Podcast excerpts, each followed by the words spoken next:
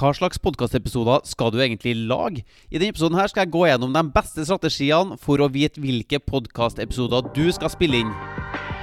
Er du en gründer som ønsker mer synlighet, større frihet, flere kunder og en stemme som blir hørt? Hver episode er dedikert til å gi deg markedsføringsavsløringene og salgshemmelighetene som vil akselerere din gründersuksess. For å se hvordan du kan starte din egen podkast, få med deg den gratis videotreninga jeg laga til deg på mortensholm.com. Velkommen, nå kjører vi på!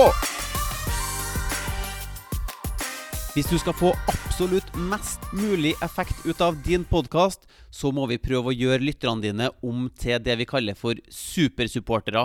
Og måten å gjøre lyttere om til supersupportere på, er å faktisk forstå hva slags problemer, hva slags utfordringer har dine lyttere, og finne ut hva slags løsninger kan du gi dem, hvordan kan du hjelpe dem å overkomme de her problemene. Så i episoden her tenkte jeg vi skal se litt på ulike verktøy vi kan bruke for å finne ut hva slags problem har dine lyttere. Så det første verktøyet jeg tenkte jeg kunne presentere for deg, er et verktøy som heter BuzzSumo. Så hvis du går til buzzsumo.com, så vil du ha muligheten til å melde deg på en 30 dagers gratisprøve der. Og det det verktøyet vil hjelpe deg med, det er å finne ut det, de Facebook-innleggene, de bloggtekstene, de Instagram-innleggene, de eh, Pinterest, eh, LinkedIn-innleggene osv. som presterer best i forhold til å få likes og kommentarer og engasjement. Så med utgangspunkt i det du ser at allerede fungerer, så vil du få et inntrykk av hva slags type innlegg er det folk eh, bryr seg om, hva slags problemer er det som måtte skinne gjennom i de innleggene, hva slags løsninger er det som er vanlig å finne på de problemene de opplever. Så på BuzzSumo så vil du finne de innleggene som presterer best, de som såkalt går mest viralt, og bruk det som inspirasjonskilde til å lage dine egne podkastepisoder. Det neste spennende verktøyet jeg kan tenke meg å eh, introdusere deg til, er answerthepublic.com, som er ei webside hvor du kan gå og søke på dine nøkkelord. Så når jeg nå går inn og skriver podkast, f.eks., og trykker på søk der, så får jeg opp alle verdens søk som angår eh, podkast. Så da får jeg f.eks.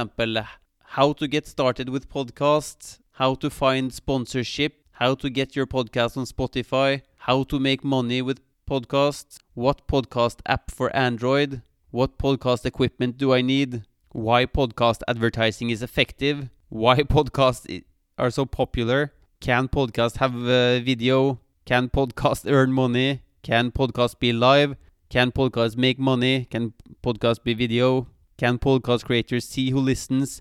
Altså, jeg kan finne all mulig slags type spørsmål som folk eh, stiller på internett i forhold til det her med å lage en podkast eller å lytte til en podkast. Så da blir spørsmålet hva slags nøkkelord eller hva slags søkeord skal du plotte inn på answerthepublic.com? For hvis du plotter inn eh, søkeordet ditt, så vil du finne all verdens spørsmål folk stiller om ditt søkeord. Og da har du et eh, kjempebra grunnlag til å la deg inspirere av de her spørsmålene til å komme opp med podkastepisoder som gir svar på de her spørsmålene. For at uh, nå vet vi hvem vi snakker til, vi vet hva slags spørsmål, hva slags bekymringer, hva ønsker de å oppnå. Og da blir vår eh, jobb som podkastere å lage episoder som hjelper dem med å få svar på de her spørsmålene. En annen måte å finne ut hva slags uh, spørsmål folk stiller, er å gå inn i Facebook-gruppa.